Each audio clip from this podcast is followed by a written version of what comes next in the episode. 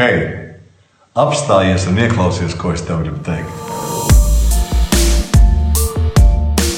Vai tu zināji, ka janvāris ir īstais ieviešanas mēnesis? Tā ir. Nē, es negāju pie dārgiem uzturu speciālistiem, bet izlēmu izmēģināt slaveno Stokholmas diētu.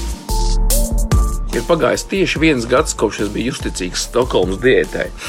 Eh, kamēr biju uzticīgs, tikmēr viss bija kārtībā. Bet, nu, paslīdēja kāja. Stokholmas nosaukums, slavenības reklāmās un agresīvs mārketings. Tie ir vaļi, uz kuriem balstās Stokholmas diētas popularitāte bet atvērto failu savāktā informācija liek domāt, ka aiz brīnumainus panākumus sološās diētas slēpjas prasta naudas pelnīšanas mašīna, kas balansē uz likumu robežas. Daudziem speciālistiem par pārsteigumu apšaubāmās diētas piedāvātājs Latvijā tagad ir reģistrēts kā ārstniecības iestāde.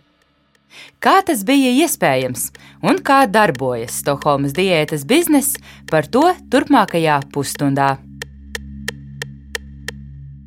Pirmā daļa - pirms desmit gadiem. Viss sākas ar bezmaksas testu, pēc kura tev tiks izstrādāts individuāls uzturu plāns. Ja godīgi, es vēlētos kaut būt par šo metodi uzzinājis pirms kādiem gadiem, desmit. Tagad... Reklāmas video saka aktieris Imants Strats. Tievēšanas programma tik tiešām radīta pirms desmit gadiem, un jau pirmsākumos tā piesaistīja dažu mēdīju uzmanību. Kārtējais tieviešanas brīnums, par kuru ārsti klusē, mūs atkal uzrunā no interneta ar solījumiem nedēļas laikā, kā minimums nomes 7 kg. Savas... Reklāmās redzamo cilvēku pārsteidzošās pirms un pēc fotografijas un vilinošie solījumi.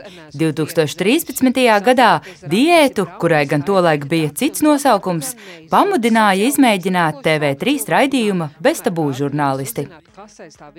Lai saņemtu individuālo tievēršanas plānu, žurnālistei internetā bija jāizpilda bezmaksas tests. Tieši tāpat kā tagad. Pirmajā dienā saņemu instrukciju e-pastā un sāku dienu ar zaļo teju un kartupeļu vārīšanu, jo šodien ēdienu kartē ir tikai kartupeļi bez sāls. Toreiz diēta bija papildināta ar rūtīšanās uzdevumiem. Piemēram, pirms miega 25 minūtes jāpatur ledus paka pie kakla aizmugurējās daļas. Šis ir visstrakākais, tajā, kas nav pareizi. Sākās ar ledus augstu valnu 4 minūtes. Normāls cilvēks, nu, kā saka, cistītu, dabūtu vēl kaut ko.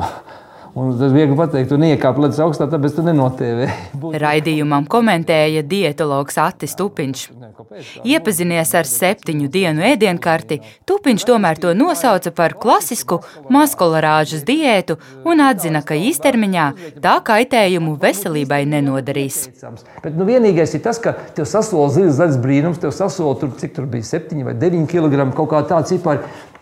Viņi ir iespējami tikai tad, ja cilvēkam ir tūska. Tagad, pēc astoņiem gadiem, Latvijas diētas ārstu asociācija, kuru pārstāv arī Atis Tupiņš, kļuvusi par Stokholmas diētas oficiālo atbalstītāju. Zili zaļi brīnumi ar beztabū žurnālisti toreiz nenotika. Viņa atbrīvojās no diviem kilogramiem.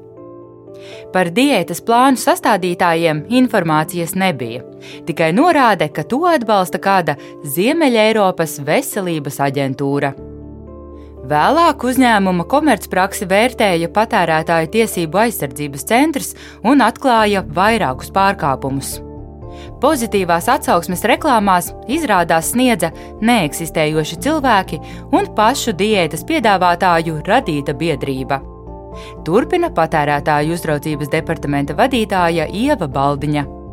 Viens no tiem bija saistīts ar šo ves Ziemeļ-Eiropas veselības aģentūras logotipu, kas tika izmantots maldinošā veidā cilvēkiem, domājot, ka tā ir kaut kāda valsts iestāde un uh, ka tā principā ir kaut kāda nu, nozīmīga iestāde, kas kā, apliecina šī pakalpojuma kvalitāti. Patiesībā Ziemeļ-Eiropas veselības aģentūras vienīgā amatpersona bija arī diētas uzņēmuma pārstāvis. Aiz Stokholmas diētas biznesa stāv apņēmīgs jaunietis Kristos Blaus, kurš plašāku atpazīstamību ieguvis kā sabiedrības iniciatīvu portāla Mana balss LV līdzdibinātājs. Tagad Blaus no Mana balss LV ir prom. Intervijai par diētu biznesu Kristus Blaus nav pierunājams. Uz Latvijas radio jautājumiem viņš atbild rakstiski. Par diētas atbalstītāju Ziemeļa Eiropas veselības aģentūru, Blaus skaidro, ka tā dibināta ar domu nākotnē izveidot platformu, kurā apvienot vietējos un ārvalstu uzturas speciālistus. Tomēr ieceres palikušas prototipa līmenī. Gatavojot šo raidījumu, aprunājos ar četriem cilvēkiem, kas savulaik strādājuši vai stāvējuši klāt ar blauvu saistīto diētu projektiem. Tikai viens no viņiem bija ar mieru runāt atklāti ar savu vārdu, un viņš ir Vilnis Baltiņš. Un kamēr būs aitas, būs arī cirtējumi, kā Kristofers Blaus saka, tās rasnās govis ir jāslauc. Nu, tā, to var likt virsrakstā. Vilnis Baltiņš sevi dēvē par digitālā mārketinga speciālistu. Noprotams, ka abu ceļi šķīrušies ar konfliktu. Es personīgi viņam pastāstīju, kā var no cilvēkiem ar liekas ar problēmu izkrāpt naudu. Ar to īpaši nelepojos, bet nu, to es esmu izdarījis. Viņš šo schēmu, tā ir tāda tīra blēdības schēma, ir veiksmīgi realizējis, cepur nost. Saka Vilnis Baltiņš. Arī pārējie kādreizējie darbinieki stāsta, ka pirmsākumos uztura ieteikumus izdomāja nevis certificēti speciālisti, bet Blauss kopā ar mārketinga komandu. Un Stokholmas diēta ir latviešu, nevis zviedru izgudrojums. Par pašu Stokholmas diētu, nu, teiksim tā, tā ir vienkārši naudas izblēdīšanas mehānisms, bet, nu, ja ņem vērā, ka skola maksā naudu, tad tie pāris eiro, ko nu, nelaimīgie cilvēki samaksā un atkal katru reizi saprot, ka viņi ir kļūdījušies. Varbūt tas viņus ātrāk novedīs pie reāliem speciālistiem, kas viņiem reāli palīdzēs. Blaus Baltiņa komentārus sauc par absurdiem safabricējumiem un klajiem meliem. Un norāda, ka pret to autoru savulaik vērsies policijā par izspiešanas mēģinājumiem. Rakstiskajās atbildēs Blaus uzbur pavisam citu vīziju Diētas biznesam viņu pievērsusi apjausma, ka nav tehnoloģisku risinājumu, kas padomus par liekās varu problēmām padarītu pieejamākus. Tālāko blauva komentāru ierunā radio kolēģis. Projekta izstrādes laikā studējām zinātnisko literatūru un ārpakalpojumā piesaistījām uztura speciālistu. Kad ieviesām šo risinājumu un redzējām, ka cilvēkiem Latvijā tas šķiet ļoti noderīgs, sākām strauju attīstību. Komandai pievienojās vairāki pilna laika uztura speciālisti štatā. Biznesa turpināja augt, jo tievēt gribētāju netrūka. Otrā daļa - Kintija, Ksenija un Katija. Uzņēmums cītīgi strādāja pie tā, lai diētu sāktu reklamēt tās lietotāji. Klientiem par dalīšanos pieredzē piesolīja dažādus labumus. Pēc tam jau tā viņu motivācija bija, nu, īpaši sievietēm, visa tā fotosesija, ka viņas dabūja tās smukās bildes. Stāsta uzņēmuma bijusī darbiniece. Viņas balss ir mainīta, jo sieviete baidās no kādreizējā darba devēja atriebības. Darbiniece stāsta, ka tievētāju veiksmes stāstus piepušķoja, apstrādāja arī fotogrāfijas. Izvēršot biznesu citās valstīs, apmierināto klientu vārdus pielāgoja attiecīgajai auditorijai.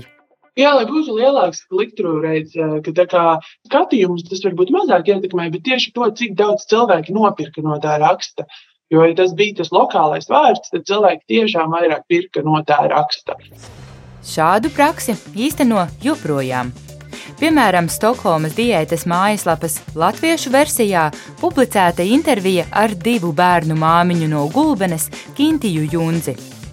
Krievu auditorijai viņa stādīta priekšā kā Ksenija, savukārt Igauniem Katija. Kintiju uzrunājām vietnē Facebook, viņas komentāru ierunās radio kolēģe. Es prasīju viņiem, kāpēc citās valstīs man ir savādāks vārds, bet īsti nesapratu atbildi. bet, ja godīgi, man tas netraucē. Kristus Blaus stāsta, ka klientu vārdu maiņa citās auditorijās esot saskaņota sadarbības līgumos, un to dara, lai nenoslogotu klientus sociālo tīklu profilus un viņu pieredzi padarītu uztveramāku vietējai auditorijai. Stokholmas diēta vairāk kārt ir nonākusi patērētāju tiesību sargu redzeslokā. Ieva Baldiņa no Patērētāju tiesību aizsardzības centra stāsta, ka vēlākās pārbaudēs nereālu personu reklāmas stāstus vairs neatklāja. Taču centrs nevērtēja, kā Stokholmas diētas lietotājus piesaka citu valodu auditorijai. Jā, šo informāciju mēs vēl noteikti pārskatīsim un pārbaudīsim, un, ja konstatēsim pārkāpumus, noteikti šo varētu prasīt novērst, jo tā ir maldinoša komercprakse. Visvairāk sūdzību gan bijis par citu diētas pārdevēja praksi, proti to, ka iegādājoties tievēršanas plānu, klients neapzinoties piekrīt automātiskam ikmēneša maksājumam. Daudzi pārtrauca izmantot pakalpojumu un nepamanīja, ka ik mēnesi turpina maksāt nelielu naudas summu. Uzņēmums toreiz skaidroja, ka nespēja izsakot, vai visi klienti pakalpojumu tiešām izmanto bet bijušie darbinieki uzskata, ka šāda prakse bija apzināta. Ja tas cilvēks netaisīja skandālu, tad viņam arī to naudu neatgrieza, jo pēc tā visa etapa iznāk, ka tas cilvēks pats tam bija piekritis. Mēs sazinājāmies ar vairākiem Stokholmas diētas klientiem, kuri par abonementa maksu izteikuši neapmierinātību sūdzību portālā. Nu, nepiefiksēja, ka man tāda automātiskā apvilkuma naudas atskaitīšana ir. Un tad, kad es to konstatēju, tad tas jau bija vairāk mēnešu pagājuši. Par neizmantoto pakalpojumu kliente bija iztērējusi 109 eiro. Viņai piedāvāts pārtraukt automātisko maksājumu. Es, protams, biju laimīga. es pat neiedziļinājos, ka es varētu tur kaut ko, kaut ko rakstīt un sūdzēties un, un, un teiksim, par to naudu. Citiem veicies labāk. Vai jums tā naudiņa tika atskaitīta? Jā, jā pilnā apmērā. Pastāstiet, kā tas notika. Nu, jūs saņēmāt zvanu pēc tās sūdzības. Jā, es dienas laikā reaģēja toreiz meitene. Es izstāstīju visu, kā arī tas bija. Un tad viņi, protams, it kā, nu, es vienkārši prasīju, kā, nu, kad tas beigsies, un saku, ka cilvēkam apmēram nu, līdz 100 stundai. Sievietei atmaksāja visu naudas summu - 129 eiro. Uzņēmuma konsultante stāstījusi, ka citi atpakaļ saņem tikai daļu, bet citiem jāsamierinās, ka vienkārši pārtrauc ikmēneša maksājumu. Mārketings ir mārketings, ir skaidrs, viss, viņš ir, bet nu, viņš ir diezgan negodīgs. Patērētāju tiesību aizsardzības centrs par automātiskā maksājuma sūdzībām sāka pārbaudi, un tagad Stokholmas diētas lietošanas noteikumi ir mainīti. Komentē centra pārstāve Ieva Baldiņa ja viņš vēlas turpināt šo pakalpojumu saņemšanu, tomēr viņš vēlas šo abonēšanas pakalpojumu, tad viņam ir konkrēti jāpiekrīt šim abonēšanas pakalpojumam. Tas ir ļoti svarīgi, jo tieši tas bija tas, par ko cilvēks sūdzējās, ka viņi nesaprata, ka viņi ir piekrituši šai abonēšanai. Patērētāju tiesību sargu pieaicinātās iestādes, Veselības ministrija un Latvijas diētas un uztura speciālistu asociācija ir vērtējušas arī klientiem piedāvātos uztura plānus. Turpina Ieva Baldiņa. Tur bija daži ieteikumi, piemēram, papildināt vairāk graudālu produktiem un un arī piena produktiem, un šī ēdienu kārta attiecīgi tika papildināta pēc šiem ieteikumiem. Tikmēr nozarē Stokholmas diētas uztura plānus joprojām uzlūko kritiski. Latvijas diētas un uztura speciālistu asociācijas pārstāve Gundega Rudzīte Aniščenko pērn septembrī raidījumam atvērtie faili komentēja šādi spriežot pēc tā, ko atnes nu, daži pacienti e, parādīt, tad nu, noteikti šīs ēdienkartes nesaskan ar kādiem Pasaules veselības organizācijas veselīgu uztura ieteikumiem un vadlīnijām. Pilnīgi noteikti neko tādu mēs tur neredzam. Un, lai mēs spriestu par efektivitāti vai arī par kaitējumu kaut kādu, nu, tad mums tās informācijas nav pietiekoši.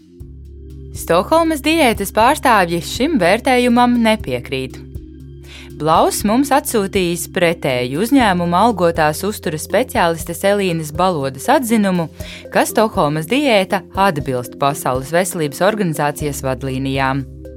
Atzinumā izklāstīts, kādi produkti un kādā daudzumā jēd, un Stokholmas diētas divu dienu ēdienkaršu piemēri. Tāpat Blaus uzskaitījis vairākus ārstniecības jomas pārstāvjus, kuri atzinuši diētu par labu esam. Sazinājāmies ar pirmo sarakstā minēto ārsti Gunu Havensoni, kuras atsauksme redzama arī diētas mājaslapā.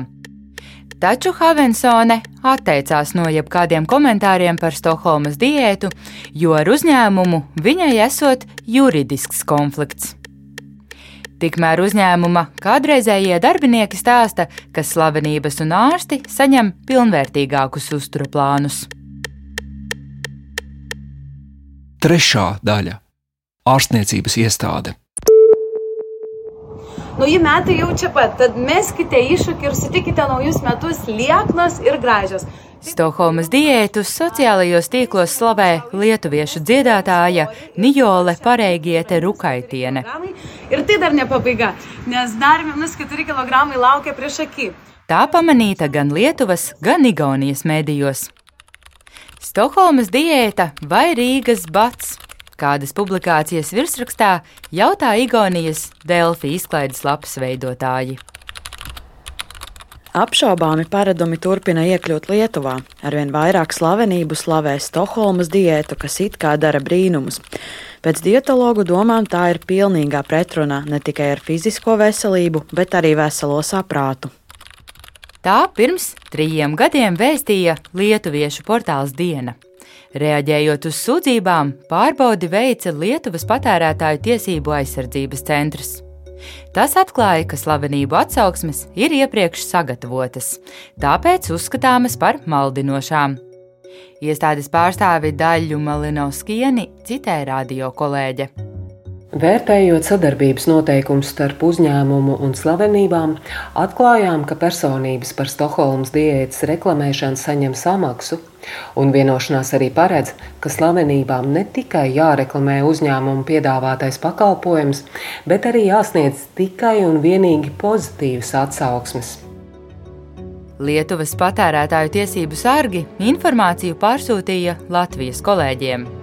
Stokholmas diēta lietuviešiem atbildi parādā nepalika. Pēc lietas nodošanas Latvijas kolēģiem mēs pamanījām, ka uzņēmums sāka piekopt vēl agresīvāku mārketingu. Sievietes saņēma ēpastus, kuros tika kaunināts viņu augums un jautāts, vai viņas vasaru pavadīs apkaunotas pludmalē, vai tomēr atradīs septiņas dienas, lai ieturētu Stokholmas diētu. E-pastā tika piedāvāta 80% atlaide diētas plānam, liekot saprast, ka akcija ir spēkā tikai konkrētajā dienā. Lietas izpētē iesaistījās Latvijas patērētāju tiesību aizsardzības centrs. Turpina Ieva Baldiņa. Tad, attiecīgi, tika izņemts ārā šis piedāvājums par uh, samazināto cenu, tad arī jā, mēs pārbaudījām šīs sniegtās atsauksmes un pārliecinājāmies, jā, ka vismaz šīs personas ir reālas. Lietuvieši lietu slēdza, bet Latvijā pārbaude vēl turpinās. Baldiņa pieļauj, ka varētu vērtēt arī Latvijā pazīstamo personu sadarbību ar uzņēmumu. Vai tur nav tiešām kaut kādas apmaksātas atsauksmes, vai tur nav kaut kāds iepriekš saskaņots teksts, tā nedrīkstētu būt, protams. Kāda ir sadarbība ar slavenībām, ļauj apjaust divas reklāmas, ko atskaņosim pēc brīža. Vienā aktrise Evija Krūze dalās pieredzē par Stokholmas diētu, otrā fitnesa modele Paula Freimane stāsta par tievēršanas programmu Monako Fit, kuru piedāvā ar Stokholmas diētu saistīts uzņēmums. Hei! Gribu zināt, kā es izmainīju savu augumu? Principā 90% manu rezultātu nāk tieši no man piemērota uzturu plāna. Hei, tu vēlies zināt, kā es izmainīju savu augumu? 90% no šī nāk no īpaša uzturu plāna.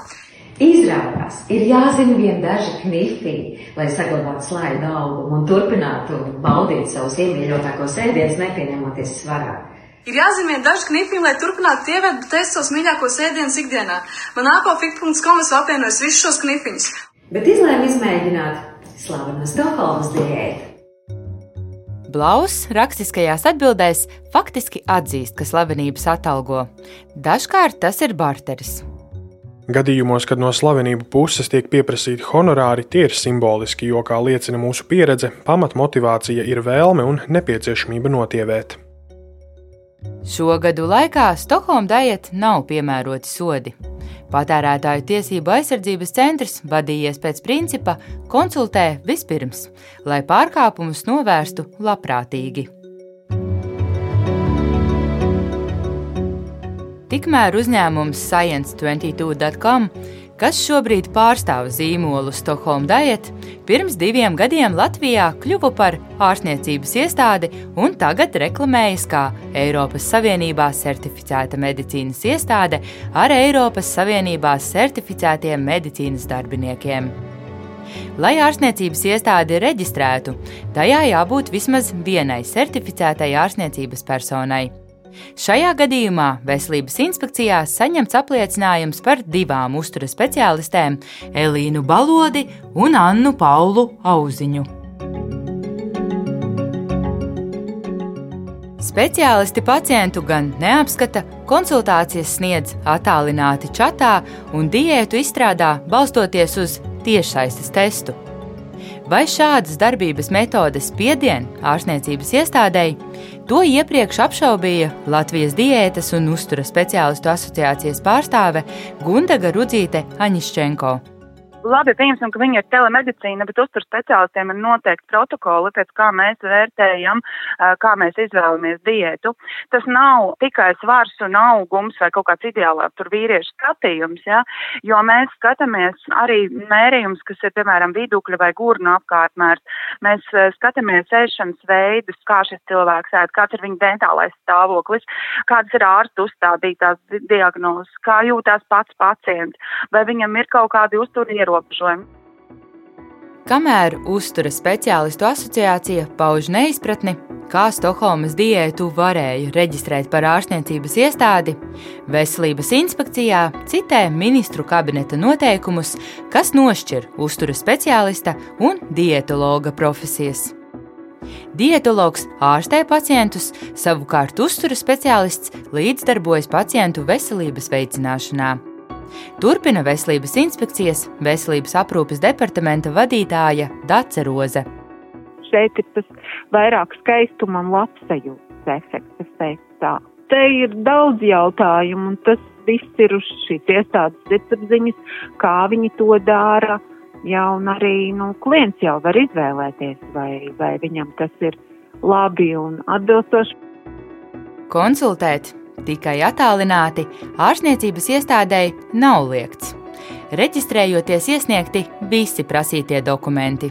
Ja minimālās prasības izpildītas, inspekcija nevar liekt kādam darboties. Ārstniecības iestādi Veselības inspekcija apmeklēja, kad tā savu darbību vēl nebija uzsākusi.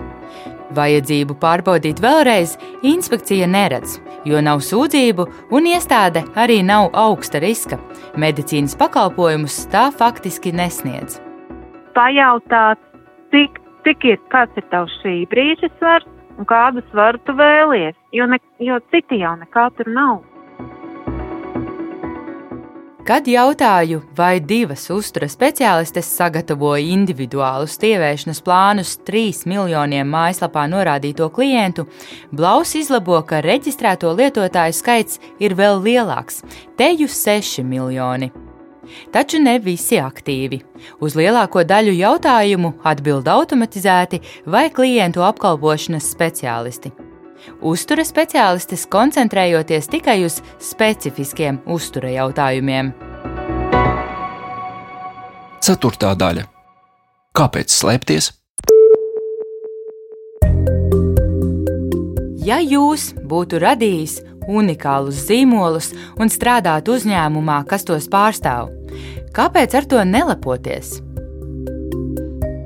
Stokholmas diēta internetā tiek aktīvi reklamēta, taču uzņēmuma darbinieki ar to sociālajos tīklos nedalās. Viņi norāda, ka strādā kompānijā ar nosaukumu Creative.gs. Apskatot mājaslapu, gan netop īsti skaidrs, ar ko tā nodarbojas. Norādīts, ka tā palīdz miljoniem cilvēku vairāk nekā 160 valstīs dzīvot veselīgāku un priecīgāku dzīvi. Veido lietotnes, kurās apvienotas rūpes par veselību un 21. gadsimta tehnoloģijas. Kuras lietotnes Kristus Blaus nenosauc? Tā kā darbojamies sīvas konkurences apstākļos, kur uzņēmumi cenšas izzināt viens otru tālākos attīstības soļus, niansēs neizklāstīšu. Savukārt, Creative.gs viņš sauc nevis par uzņēmumu, bet darba devēja zīmolu un mājaslapu vakancēm. Kopumā firmas, kas piedāvā zīmolu Stokholm Diet, pēdējo gadu laikā vairākas reizes mainītas vai mainīti to nosaukumi. Laika gaitā mainījās projekta uzbūve, darbības reģioni, partneri, dalībnieki, investori, arī mana iesaisti un prioritātes bijušas mainīgas, un šie visi faktori ietekmējuši arī juridisko darbības formu. Mūsu intervētā darbiniece atzīst, ka algu saņēmusi no vairākiem uzņēmumiem. Es nezinu, kur ir tā līnija, kur tas ir nelegāli, bet uh, tas noteikti, nu, vismaz agrāk tur bija ļoti izteikti, ka bija daudz tie mazie uzņēmumi, kas bija tāds nodokļu optimizēšanas veids. Blauskan saka, ka viņa uzņēmumi ir godīgi nodokļu maksātāji, pērn nodokļos nomaksājuši vairāk nekā miljonu eiro. Stokholmas diētas piedāvātāja firma Science22.com pieder četriem īpašniekiem. Blaus ir lielākais no viņiem un uzrādās kā patiesā labuma guvējs. Identiska struktūra ir līdzīga profila firmai Monako Fit. Abu apgrozījums pērn bijis 3,8 miljoni eiro. Pats Kristofs Blaus savu lolojumu sauc par vienu no Latvijas lielākajiem medicīnas pakalpojumu eksportētājiem un kā svarīgākos tirgus min Spāniju, Franciju, Vāciju. Cik daudz tajā Minhausena stāstu, cik realitātes pārbaudīt ir grūti, jo nav skaidrs, ko īsti Blauva uzņēmumi tur piedāvā. Pats Blaus uzņēmumu ikdienā vairs nevadot, piedaloties tikai strateģiskos lēmumos. Diētas biznesa īpašnieks dzīvo ārpus Latvijas, Kiprā un, cik pandēmijas ierobežojumi ļauj, ceļo. Tikmēr bijusī darbiniece spriež, ka tādam biznesam vispār nevajadzētu būt. Tur ir tik daudz nepareizu lietu. Normāli visi virzās no tā prom un cenšas veidot savu biznesu kaut kādā veidā, kas ir sabiedrībai, nu, ja ne noderīgs, tad vismaz ne ļaunu nodarošs. Un nu, šis tā kā galīgi, man liekas, nevirzās uz to pusi. Nu, man vienkārši ļoti žēl, ka tie cilvēki, kas to pērk, visbiežāk vienkārši nesaprot, ko viņi pērk.